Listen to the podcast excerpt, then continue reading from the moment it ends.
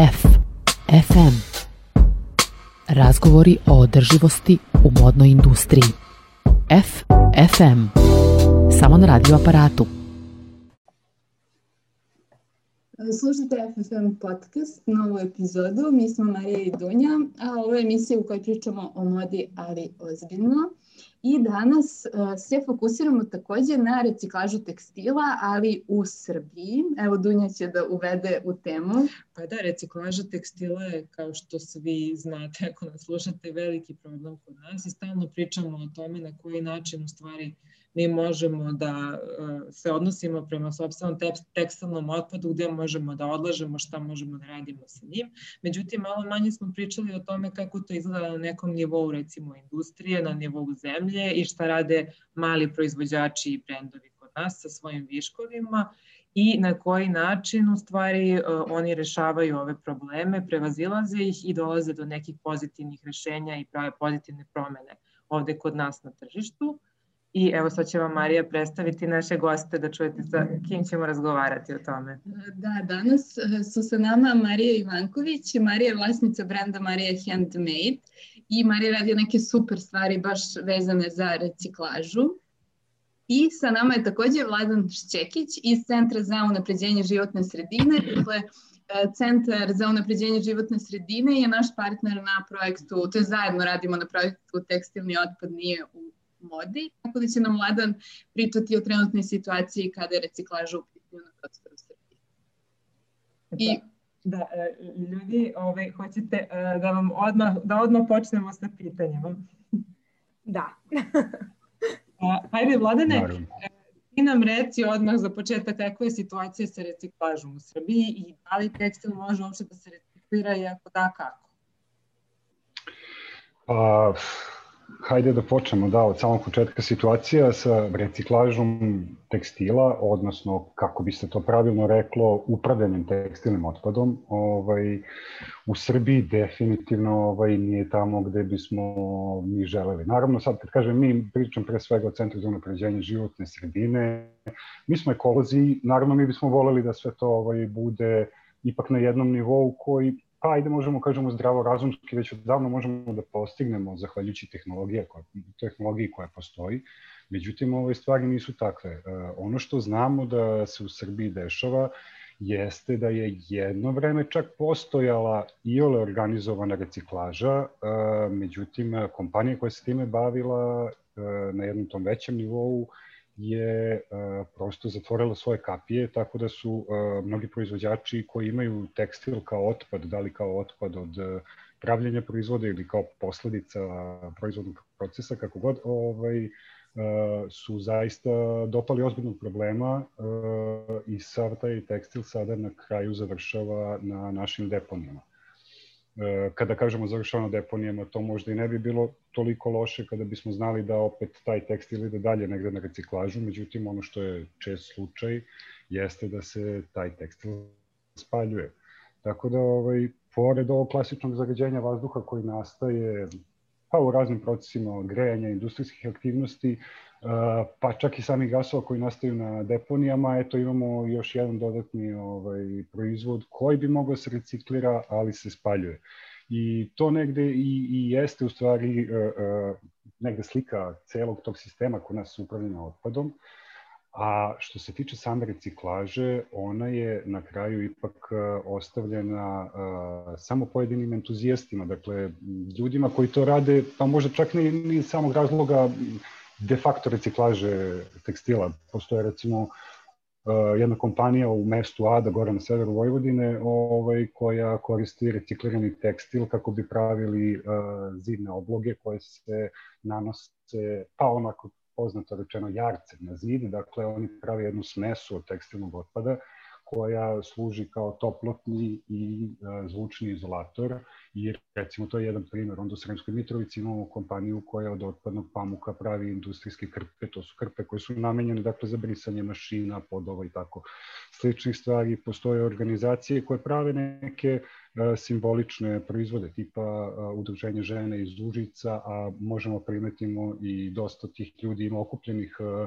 oko Facebook grupe uh, za manje smeće više sreće koji se bave u stvari zero waste-om i uh, to su proizvodi koji su u principu uh, ili neki cegeri ili neke višekratne vrećice za merenje proizvoda u radnji i tako slične stvari. Tako da da bismo rekli da uh, reciklaža postoji u Srbiji, postoji, ali to je zaista toliko minimalno i mi se nadamo da ćemo uskoro ipak videti neki pomeri na tu temu.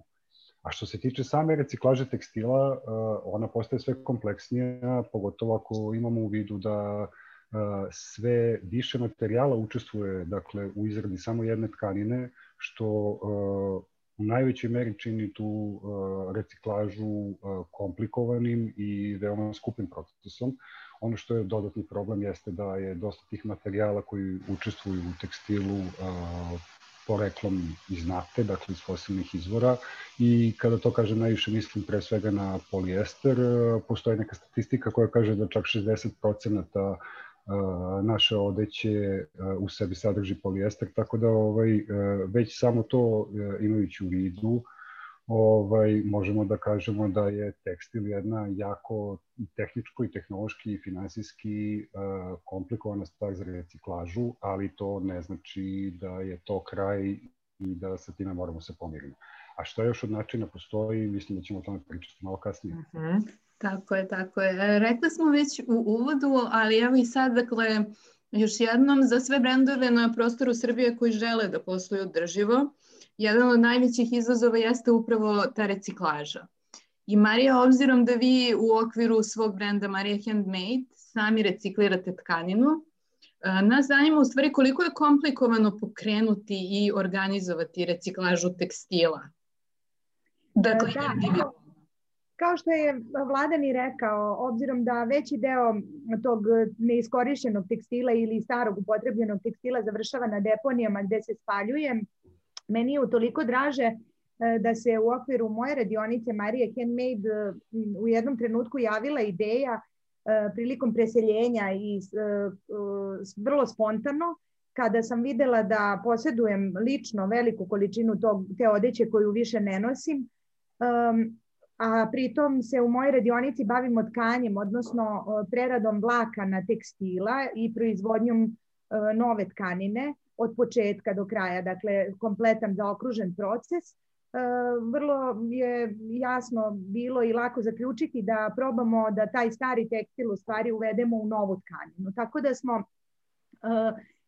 prvo krenule ručno da ga sečemo i da uvodimo na jednu kvalitetnu pamučnu osnovu i tako dobijemo nove teksture, potpuno nove od kojih su se tkale e, tkala platna za šivenje mantila, kaputa, kraćih jakni, zatim modnih detalja poput pojaseva i e, nekih drugih detalja i e, nakon toga sam pozvala i sve druge žene koje su uključene u rad moje radionice Marije Handmade da donesu odeću koja im ne treba, tako da u, zaista se u jednom trenutku stvorila velika količina tekstila od koje je nastala čitava jedna kolekcija. E, predstavljena je u Torinu na e, od, e, nedelji održive mode I ta kolekcija u stvari predstavlja i stalnu ponudu radionice Marije Handmade, dakle nije sezonska kolekcija koja prolazi, već prosto je nešto što ljudi uvek mogu da naruče naknadno i to uvek možemo da napravimo. Tako da um, i to se i dešava i čini mi se u ovih par godina od kako je nastala ta ideja, sve više uh, komada iz te kolekcije upravo odlaze i u inostranstvo i u našoj zemlji mnogo više nego u samom trenutku kada smo je lansirali. Tako da mislim da se svest o tome zaista negde pojačava i mnogo mi je drago zbog toga. da bi, smo, da bi kolekcije postala i održiva i da bi brže uh, to izređivale, našli smo umeđu vremenu način da se to seče automatski i da nekako uh, možemo lakše da dolazimo u stvari do tog prediva za potku. A evo, Vladan je pomenuo Adu, e, e, na području Vojvodine mi zaista imamo dosta proizvođača e, tekstilnih iz raznih oblasti, iz pletenine i ovaj, ostalog tekstila, što mi je jako drago i nama iz Sombora čak dolaze te neke trake već isečene koje takođe koristimo za tkanje. Ono što je divno što te trake mogu da se prave i od onog tekstila koji je otpad od krojenja recimo majica, trenerki i nekih drugih odevnih predmeta tako da i to ne završava na deponiji. Eto, to je možda jedan mali, mali korak, ali eto, nadam se da će se u budućnosti više razvijati. E, a recite mi kako ste došli na tu ideju, jer vi ste počeli to da radite, da kažem, pre nego što je, upravo ste to rekli, sada to postaje popularno. Dakle, vi ste to počeli da radite mnogo pre nego što je postalo popularno i šta su uopšte preduslovi, koliko je na kraju krajeva i danas ekonomski održivo, da li, da li jeste sve straste, ali reći ćete nam eto iz, iz prve ruke, iz, iz ugla proizvođača. Da, ja se često šalim kada kažem da eto, to što je pokrenuto pre nekih 12 ili 13 godina u, u mojoj glavi, danas u stvari postaje moderno. Mm -hmm. Situacija je takva da da prvo taj trend etno mode koji sam pokrenula još tih davnih godina, eto kažem ima više od jedne decenije već, a sa idejom da e, prvo upravljam kompletno tim procesom proizvodnje tkanine od početka do kraja, dakle da se tkanine izrađuju na razboju, da očuvamo taj stari zanat tkanje koji je zaista predivan i koji nam pruža velike mogućnosti, a potom da u svakom momentu budemo odgovorni i da tačno znamo šta smo u tu tkaninu utkali, koja su to vlakna, kakav je njihov sastav i kakve su te boje, da li su postojane, kako će se ponašati da ta vlakna u, u tom tekstilu koji nastaje budu i kompatibilna. Za mene je nekako vlakno živa stvar i prosto je jako važno da sva ta prediva koja koristimo budu jako dobro uklopljena u jednoj tkanini. Evo čuli smo i malo pre da u tekstilnim tkaninama 60% um, polijestera je sadržano što je zaista strašno i negde moramo protiv toga da se borimo. A sreće je da evo i posle toliko godina e, e, se ta moja ideja održala i ostajem u tome da potpuno kontrolišemo taj proces i da u stvari u svojoj proizvodnji vrlo često koristimo i otpad, ali da upotrebim malo neku lepšu reč, to su u stvari reslovi koji ostaju od velikih kompanija, recimo koje kada im preostane predivo iz određene kolekcije, te reslove izvoze. Dakle, mi u Srbiji možemo da nabavimo te reslove koji su pritom izuzetnog kvaliteta. To je, je najkvalitetniji kašmir, najkvalitetniji lan i zaista vrlo kvalitetna vlakna koja opet u, mi u mojoj radionici premotavamo, bojimo, vrlo često i peremo, otklanjamo neke eventualne i nečistoće, ali i neka hemijska e, ne, neke hemijske substance koje se na njima već nalaze i tako ih onda uvodimo, sušimo, dakle potpuno ih prerađujemo i na svoj način u stvari kombinujemo i tako nastaje nova tkanina. Dakle, e, e, na neki, po nekoj relativno povoljnoj ceni uspevamo da nabavimo vrlo kvalitetna ili mogu reći zaista i najkvalitetnija prediva jer je reč o, o zaista najpoznatijim i negde najkvalitetnijim brendovima danas u svetu koji izvoze te reslove, a onda ih na naš način prerađujemo, obrađujemo i dodajemo tu neku našu, e, našu ideju. E, tako da to, to jeste održivo ukoliko, dobro, ukoliko smo dobro organizovani i ukoliko dobro upravljamo tim procesom i vremenom ukoliko takođe osmišljavamo modele gde nema puno otpada u krojenju, što je isto jako važno i čime se posebno bavimo, da su to modeli bez mnogo sečenja. Prvo ta uh, tkanina nastala na razvoju u stvari i, onemogućava neka velika sečenja jer je specifična, porozna i tako dalje. Treba biti oprezan, ali i tako u stvari smanjujemo otpad. Um, I sve u svemu negde je to u stvari način uh, kako smo mi došli do, do toga da, da nastaju održive tkanine i da potpuno, opet kažemo, upravljamo tim procesom. Ako znamo da je recimo i više od 8000 hemijskih jedinjenja se iskoristi u nastanku jedne prosečne tkanine u tekstilnoj industriji, uh, mi to u velikoj meri zaista izbegnemo kroz ovaj proces i zadržavamo tu odgovornost E, da, da je to što mi nudimo i to što kažemo da jeste zaista ono što, što jeste. Da, hvala. sastava, da.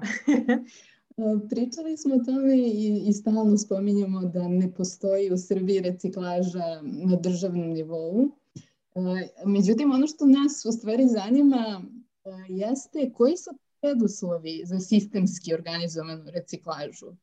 Dakle, ovo je za vladana pitanje šta sve treba da se desi da bi mogla reciklaža na državnom nivou da funkcioniše. Dakle, nije dovoljno samo da otvorimo reciklažni centar.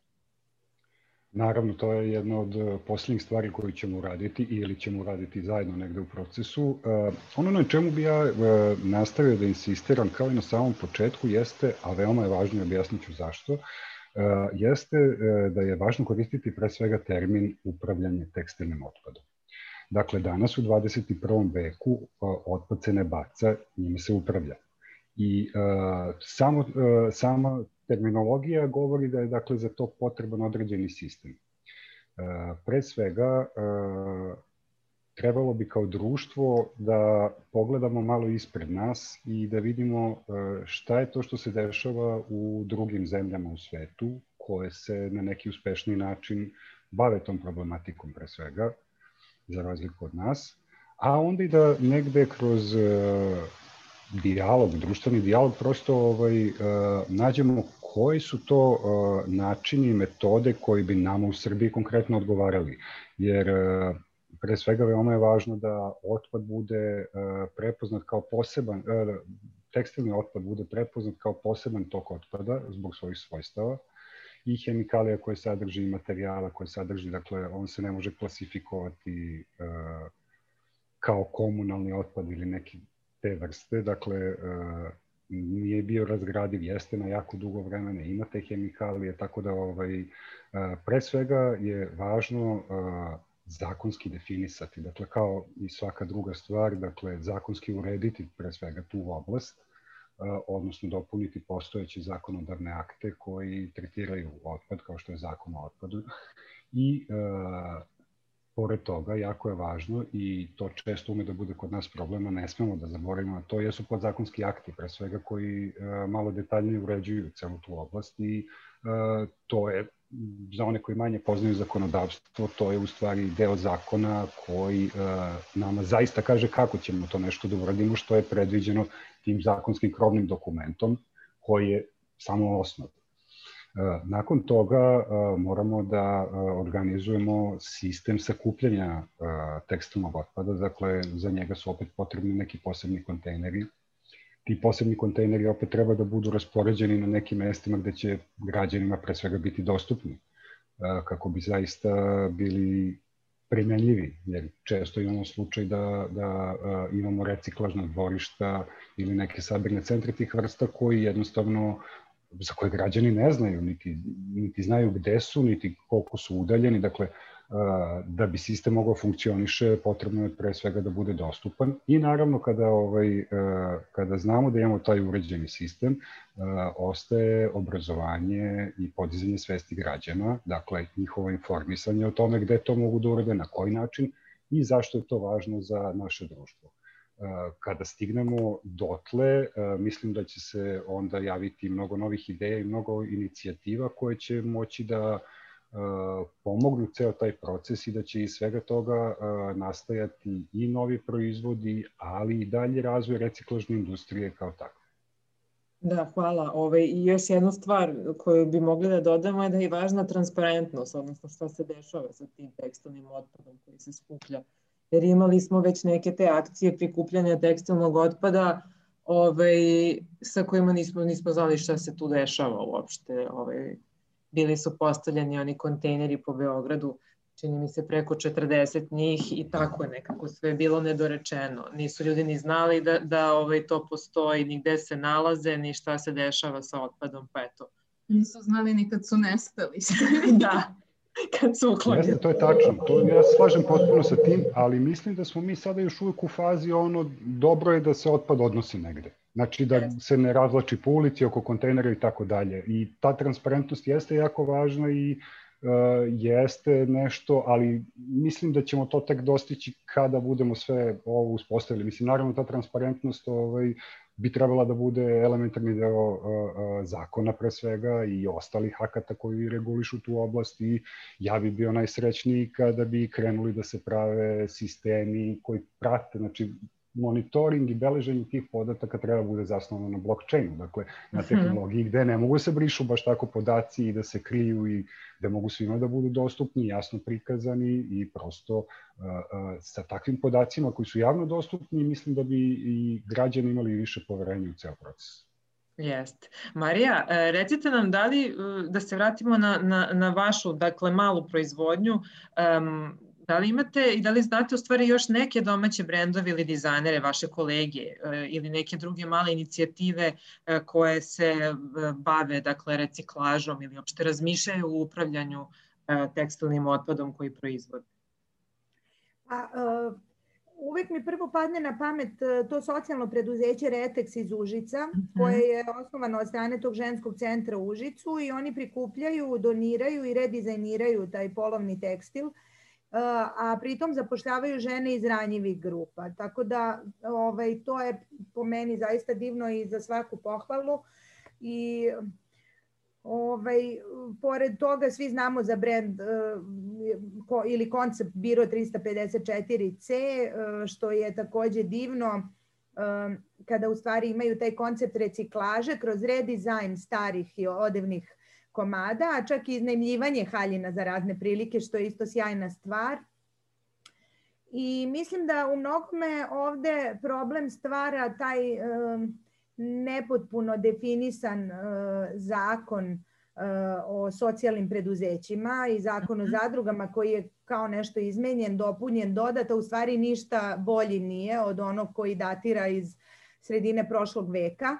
Tako da u suštini um, tu zaista imamo problem. Ja sam pre par godina bila u situaciji i na jednoj prekretnici i u razmišljanju kako da te žene koje su se u Šapcu kroz jedan program uh, uh, do obuke uh, afirmisale i u stvari pokrenule u ovoj oblasti bavljenja tekstilom i kako da ih organizujemo i kako da u stvari nekako um, formalno ih angažujemo. U tom momentu nismo imali bolji način od osnivanja jednog udruženja uh, kroz koje su one, kroz koje ja njih konkretno i dan danas angažujem za potrebe brenda Marija Handmade povremeno i trudim se da kako za svoj brend Marija Handmade uh, pronalazim tržište tako da to bude uh, i za nešto malo većeg obima ukoliko je moguće, pa da se onda angažuju i one. Tako da još uvek nismo našli način da to nekako konkretnije ovaj,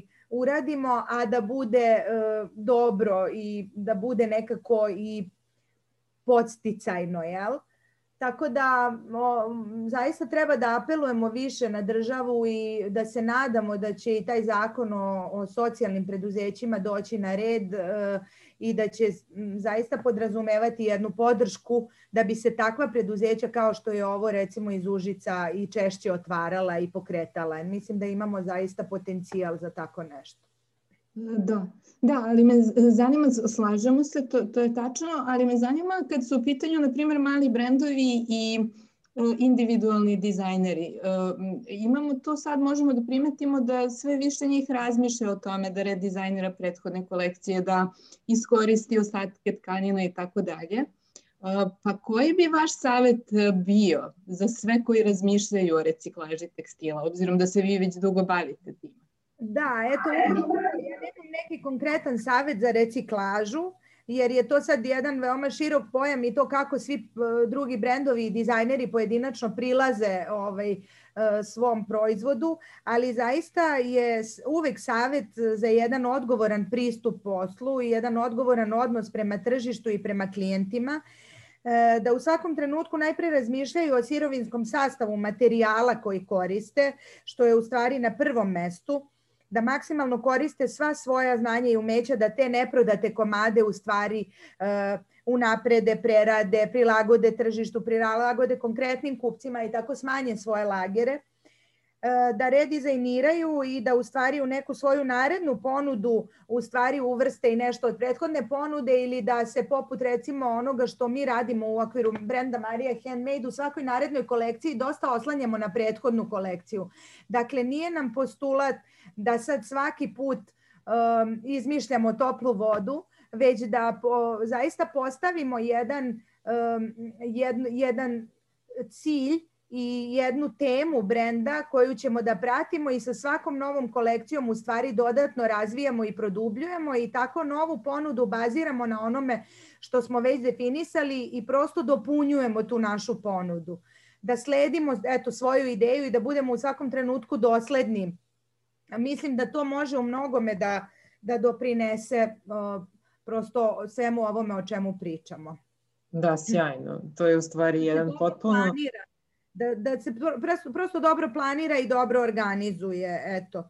E, I da se naravno, ono što je u stvari još i, i važnije kada pričamo i o socijalnom preduzetništvu koje je takođe u uskoj sprezi sa ovom temom održivosti i reciklaže i ekološkog, e, ekološke održivosti, da se što više angažuju oni kojima je posao preko potreban, E, da zaista e, po mogućstvu to budu e, osobe iz teže zapošljivi kategorija, da se nekako obrati pažnja sve više na njih, jer zaista smo često u zabludi da je to nemoguće i da je to jako teško, a zapravo nije, samo treba da se time pozabavimo.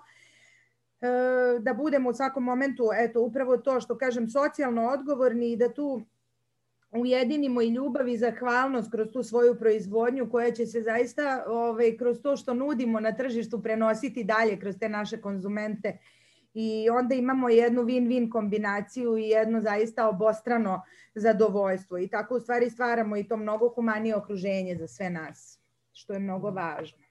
Tako je. Jeste, hvala. Ove, e, htela bih sad Vladana da pitam, Centar za napređenje životne sredine je radio analizu životnog ciklusa odevnih predmeta u Srbiji. I sad to kako mi kupujemo odeću, e, a analiza se upravo na to fokusirala, je veoma značajno e, za to šta se u stvari dešava za tom odećom kada prestanemo da je nosimo. Pa e, hajde nam reci šta je analiza pokazala, koliko mi nosimo stvari, koliko kupujemo, šta radimo sa njima, ovaj, e, kada one završe na deponiji ili već negde kad prestanemo da ih nosimo, koliko u stvari mi tog e, tekstilnog otpada pravimo? Da, pa e, mi u centru volimo da razgovaramo sa građanima i volimo da ovaj da čujemo njihovo mišljenje na različite teme zato što ovaj nije uvek dovoljno da čekamo o, samo državu da pokrene neke inicijative kao što smo već ovaj spomenuli mislimo da su neka pitanja ipak i do nas, mislim mi možemo sami nešto da uradimo, naravno ne možemo sve, ali je bitno, ovaj, bitno je ipak zadržati taj pozitivan stav. Uh, ono što je nama bilo važno uh, sa ovim istraživanjem, kao i svi prethodni koje smo radili, znači trudimo se da radimo istraživanja u oblastima gde ne postoje podaci. Podaci su u Srbiji jako problematični i ovaj, i mi negde smatramo da je važno ipak ovaj, utvrditi gde se nalazimo kako bismo pre svega mogli da definišemo veličinu problema sa kojim se borimo.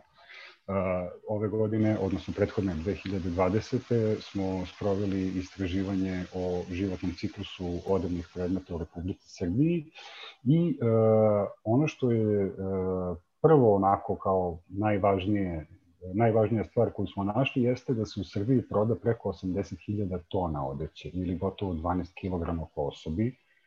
To možda ne zvuči toliko mnogo, ali ovaj, ajde da to malo ovaj, razbijemo na komponente. Najviše kupujemo uh, hotke i čarape, 8,3 komada u proseku, kao i donji veš 7,6 komada, majci potkušulje 5,4, dok ostali odevni predmeti poput e, košulja, bluza, haljina, pantalona i farmirke se kupuju nešto ređe između 2 i 3 komada godišnje, dok se e, namenski komadi poput jakni, kaputa, mantila, ski odela, odela, bade mantila kupuju najređe. E, tako da ovde u tom nalazu mi odmah i vidimo da ovaj, ono što se najviše nosi, najčešće se najčešće i kupuje, ovaj, ali vidimo i da se jako lako stiže do tih 12 kg po osobi.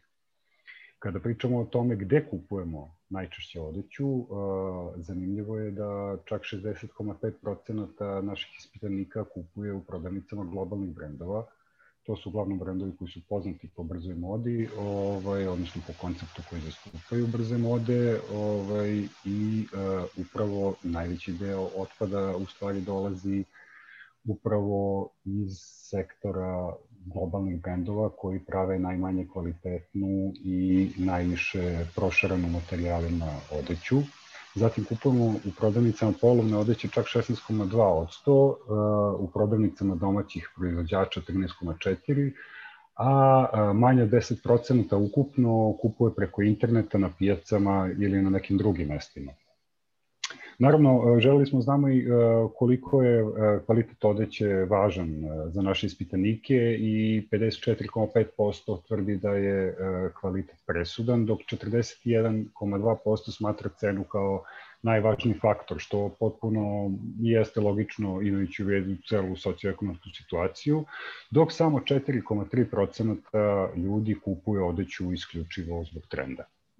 Međutim, Uh, skoro svaki treći ispitanik nosi pantalone i farmerke, trenerke i majice do 12 meseci, dakle manje od godinu dana.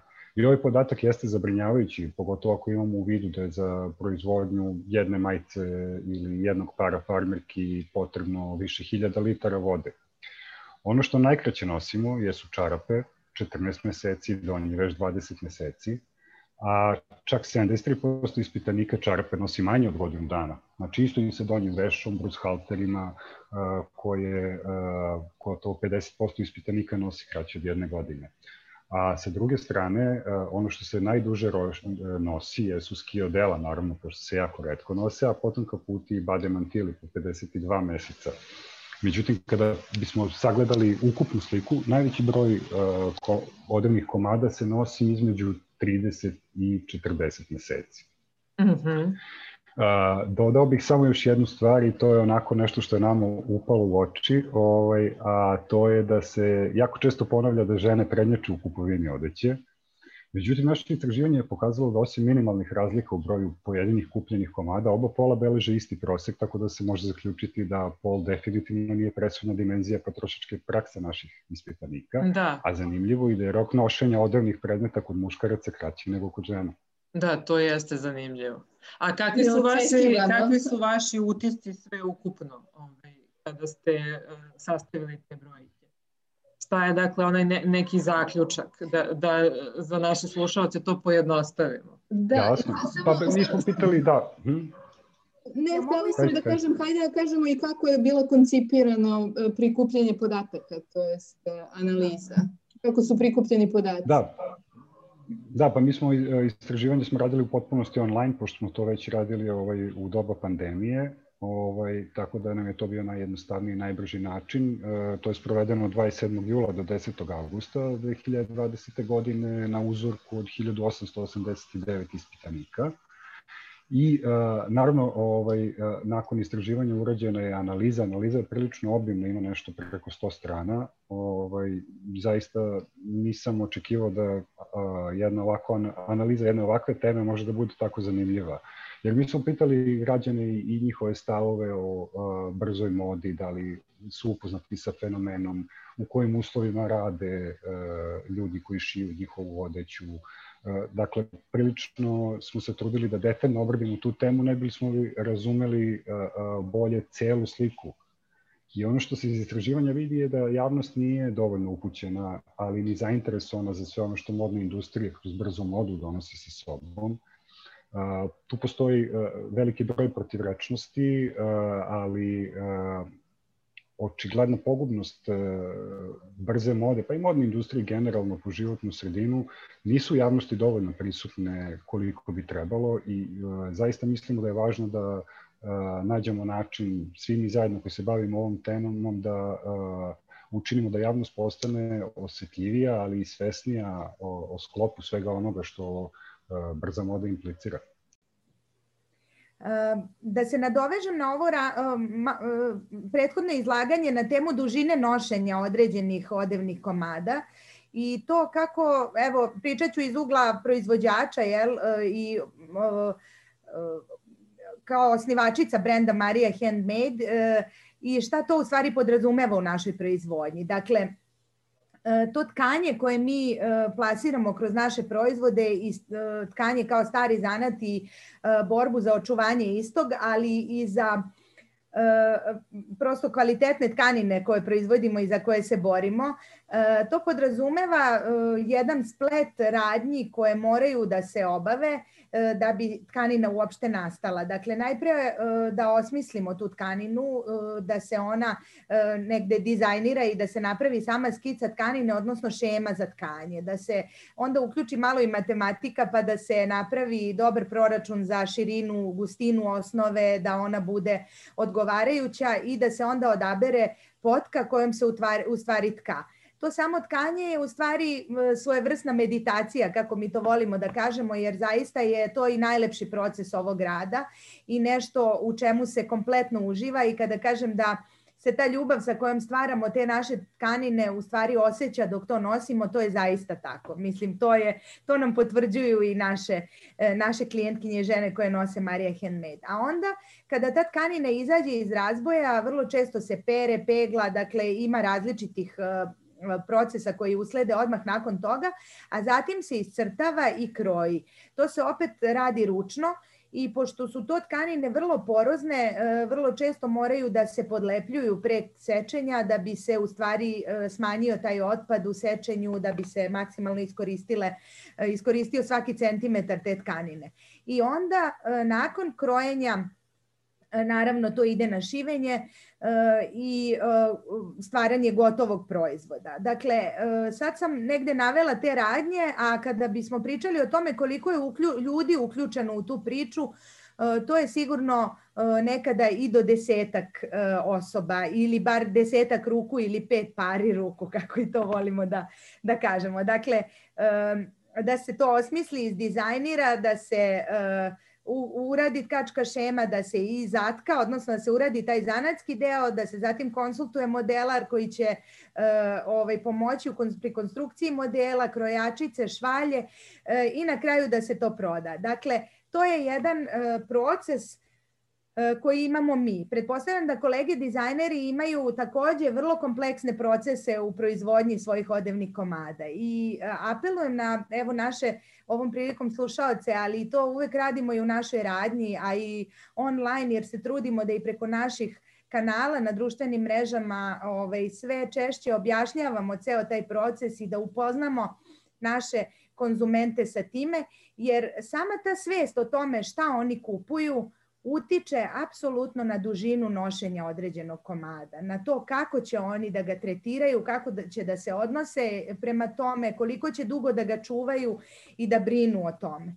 I mislim da samo na taj način u stvari možemo produžiti taj vek trajanja i da sve ove ove procente jel, koje smo malo prečuli, koje nam je izneo vladan, negde umanjimo i približimo ovaj, E, da ih sad e, da malo možda romantiz, roma, romantizovano ili romancirano zvuči kada kažemo da ih približimo večnosti, ali da zaista pravimo komade koji će da traju i da ponudimo vrednost. Jer kada se kupuje sa tom svešću da se kupuje određena vrednost, onda to apsolutno utiče i samim tim mnogo više cenimo sebe, radimo na svom pouzda, samopouzdanju i e, na tome da zaista e, to kroz tu odeću koju nosimo izražavamo i to svoje unutrašnje biće i svu tu lepotu koju nosimo u sebi. Ako znamo da se ovaj svest o jednoj osobi e, ili uopšte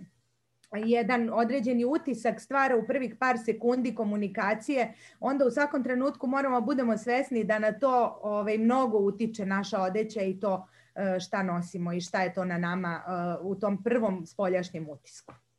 Da, hvala vam za ovo što ste rekli, zato što i mi često dobijamo pitanja u stvari šta sve to podrazumeva za male brendove, zašto im je cena veća i tako dalje. I ono što je isto dobra stvar e, jeste da je vaš, na primjer, Instagram profil odličan primer kako da se bude transparentan. Dakle, vi ste primer kako bi trebalo neko ko posluje održivo da bude i e, na društvenim mrežama otvoren i da prosto podeli sa svojim pratiocima, sa ljudima koji prate brend I vole... Tako je, to je, to je mnogo važno da bismo prosto tu svest e, o tome probudili, da bismo pokazali tu svoju odgovornost i probudili svest kod naših kupaca šta je to u stvari što mi njima nudimo. Eto, to je, to je važno. Pa jeste, e, to je ono što i mi imamo utisak sa Instagrama i nekoliko puta smo i pričala o tome. U stvari ta komunikacija mora da bude dvosmerna između proizvođača i kupaca. A to nekako malo i dalje izostaje. Da, hvala što ste to pod, primetile i što ste mi to rekle. Meni to puno znači jer dosta radimo na tome i trudimo se da, da, da to unapređujemo. Da, mislim da nismo spomenuli samo u prethodnom odgovoru, pa Vladane, um, ako možemo samo da dodamo uh, šta kažu podaci iz analize, šta radimo uh, uglavnom sa odećom koju više ne nosimo? E pa da, to smo negde i sačuvali za kraj. Ovaj, um, naši uh, ispitanici uh, su veoma čuvarni kada je odeća u pitanju. Lepo. Jeste, ovaj, i kada više ne žele da nose pojedine odevne komade, više od 55% ispitanika poklanja odeću, dok 16% odeću čuva ormanu, a još 16% je donira. Dakle, mi tu imamo preko 80% ljudi koji definitivno ne bacaju odeću da prave otpad u tom smislu. Pa, ono što uh, je jako važno jeste ovaj, uh, upravo taj segment doniranja odeće. To je nešto što nismo do sada uh, previše spominjali, ali ajde opet da se vratimo na tu socioekonomsku situaciju.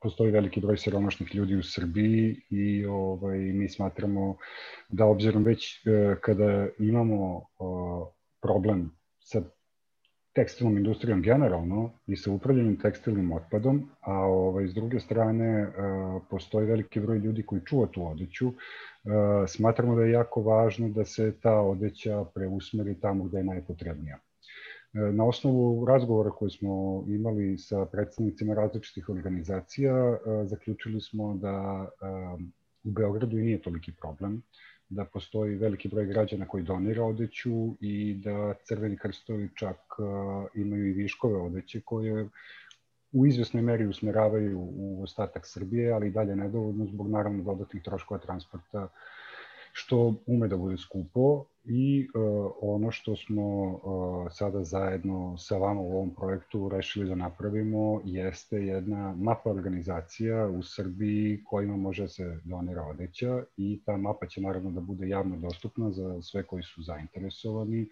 da odeću koju više ne nose prosto malo oslobode svoje ormane i da ovaj uh, pošalju na adrese gde je to najvažnije.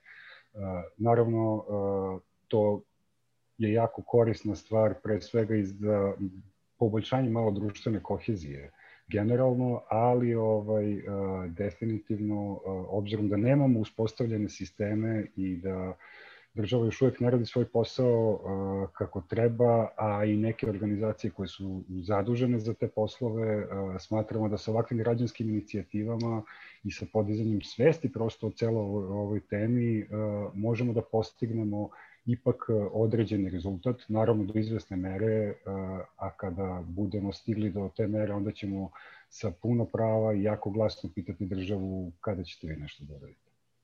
Da. E, evo svi radimo na, toj, na tom dizanju svesti, pa nadamo se da ćemo doći i do akcije. Čini mi se da se dešava promena. Ove, Marija, haj, hajde nam ovaj, vi recite, evo za kraj, pošto mislim da imamo još jako malo vremena do kraja emisije, kako je vaše lično iskustvo sa ljudima koji vas okružuju i sa vašim kupcima? Kako je to izgledalo pre, eto, kada ste počeli, a kako je sad? Koliko se svest razvila, koliko su ljudi više zainteresovani za nešto što je transparentno, etički, sve ovo čemu ste vi pričali, koliko im je važno da taj njihov prvi utisak zapravo bude prema drugima, jel, da, da oni vode računa o tome šta kupuju? Na moje veliko zadovoljstvo e, primećujem da je ta svest sve, sve veća, e, sve, e, dakle imamo sve više osvešćeno tržište u tom smislu. Pre nešto više od 10 godina kada sam ja počela, odnosno tačnije 12 godina od kada sam počela u Šapcu, a nešto više od 10 godina od kako sam prisutna na beogradskom tržištu, odnosno od kako imam svoju radnju u prestonici. Ako bih, napravi, ako bih pravila neku paralelu, uh, u prvim uh, trenucima i prvim danima rada moje radionice, uh, to je bilo jedno otkrovenje, pogotovo u jednoj manjoj sredini kakav je Šabac, prva radnja tog tipa, gde su žene od prvog dana želele da pruže podršku takvoj jednoj priči koja ih podsjeća na detinstvo i koja ih negde vraća u prošlost u smislu da su tako na taj način recimo radile njihove bake ili mame i tako dalje. Dakle, ta etička strana je uvek postojala i to je negde ovaj, evidentno. E, trendovi su nam išli na ruku obzirom da se trend etno mode u stvari e, negde još u to vreme ponovo pokrenuo i traje i dan danas, dakle ne jenjava. Mislim da negde ovaj, je i sve sve više brendova ga negde upražnjava i, i praktikuje i osvrće se barem u nekom segmentu svoj, svoje ponude e, što je takođe dobro, ali e, da ova ekološka svest i svest o o očuvanju životne sredine i o tome koliko u stvari tekstil zagađuje i koliko ta gomila odeće koju kupujemo, a koju u stvari ne iskoristimo dovoljno i vrlo brzo završava na deponijama, koliko nas sve ugrožava, e, ta svest je sve jača u poslednjih nekoliko godina. Ovom prilikom zaista želim da odam priznanje i vama koje vrlo aktivno na tome radite i mnogo utičete na podizanje i e, upravo te svesti u Srbiji i hvala na tome. Evo, u ime svih naših jel, brendova koji slično razmišljaju, ali i, i u ime svih tih kupaca koji su sigurno zahvalni. Tako da i u našoj radnji i na mrežama imamo sve više takvih i na našu veliku sreću sve manje moramo da objašnjavamo, iako mi to uvek radimo sa velikim zadovoljstvom, ali je zaista lepo e, kada postanemo svesni da ne moramo baš svima sve da pričamo i da nam sve češće dolaze upravo uh, takve klijentkinje koje kažu da, da, znam i to je osnovni razlog zašto sam došla baš ovde da kupim kod vas. Tako da jedna ovaj, optimistična e, slika je, ja mislim, trenutno i evo, ajde da zajedno ovaj, radimo na tome da se to još, još produbljuje i proširuje. Da, samo da kažemo, vaša radnja je u Beogradu u Čumiću. Da, u Čumiću, već e, eto, nešto više od 10 godina. U ovoj godini korone smo proslavili e, deseti rođendan, e, tako da je to bila jedna od redkih lepih stvari koja se dogodila u, u toj godini. Na trenutak smo se ovaj, prisetili tih početaka i tom prilikom sam baš podelila i sa našim velikim brojem naših klijenata koji su došli taj dana i saradnika ovaj, i nekih istomišljenika kada sam rekla da je e, moja radost nemerljiva kada i dan danas na ulici, pa posebno u Beogradu, jer ipak dolazim iz unutrašnjosti Srbije i moja proizvodnja se nalazi upravo u Šapcu i tu nam je baza. E, kada vidim neke žene koje na sebi nose neke od komada Marija Handmade koje su kupile pre nešto više od 10 godina to je posebna radost. A pogotovo kada u stvari nam se jave sa idejom da nešto na tome doradimo, preradimo, pa da sad ovaj pončo koji recimo nije mogao da se otkopčava napravimo sad da može da bude na, na ovaj, otkopčavanje, da negde dodamo džepove, uklonimo kragnu i tako dalje. Tako da sve češće i to radimo i negde razmišljam da to takođe uvrstimo u neku našu ponudu Tako da evo i ovom prilikom možda da pozovem naše neke klijentkinje koje nas možda i slušaju da nam se jave sa tom nekom idejom ukoliko žele da neki komad koji već imaju samo inoviramo i doradimo u skladu sa sadašnjim trenutkom. Super. E, evo za kraj samo Vladane, ukratko, ovaj, um, za mapu, i, da. kada, kada će mapa biti dostupna i gde? To su pitanja koje smo baš često dobijali, pa evo možemo prvo... Premijeru da, premijerno da im u emisiji. Odgovor. Tako je, pa mi smo ovaj, e, pre svega na društvenim mrežama sve naše pratioce pitali e, da nam oni daju predloge gde bismo mogli da doniramo odeću i stigao jako veliki broj predloga, nas je iznenadilo, tako da se mi sada bavimo proveravanjem svih tih kontakata dakle da utvrdimo šta se tačno odeće prima, zato što ne primaju sve organizacije istu vrstu odeće, prosto za svratište za decu sa ulice ne treba ista odeća kao za neke druge organizacije, tako da još uvek sada proverovamo uh, sve informacije, sve kontakte kako bismo tu mapu napravili. Ta mapa će biti uh, dostupna na sajtu Međunarodnog festivala zelene kulture Green Festa nakon toga i na sajtu Centra za unapređenje životne sredine. Biće vrlo intuitivna i, i jednostavna za upotrebu, tako da će svako moći da pronađe organizacije koje su mu najbliže ili do kojih im je najviše stalo, po kom god ključu budu birovi, ovaj, i moći će svu korišćenu odeću da doniraju, tako da do kraja marta će sve to zaživeti i biti u funkciji. Hvala. To bi bilo to. Hvala vam puno na, na gostovanju. Čini mi, sme da, čini mi se da smo uspeli našim slušalcima da, da pojasnimo ovaj, šta zapravo znači upravljanje otpadom u Srbiji, šta znači upravljanje tekstilnim otpadom i kako zapravo oni eto, e, mogu da, da reše svoje probleme, odnosno da doniraju i da sačekaju objavu mape. E, I za dizajnere smo od Marije saznali baš dosta korisnih saveta, dakle svi ti mladi ljudi koji e, žele da se upuste u modni dizajn, mislim da od vas Marija su stvarno mogli da čuju vrlo korisne savete kako to da urade, a da to bude ekološki i etički.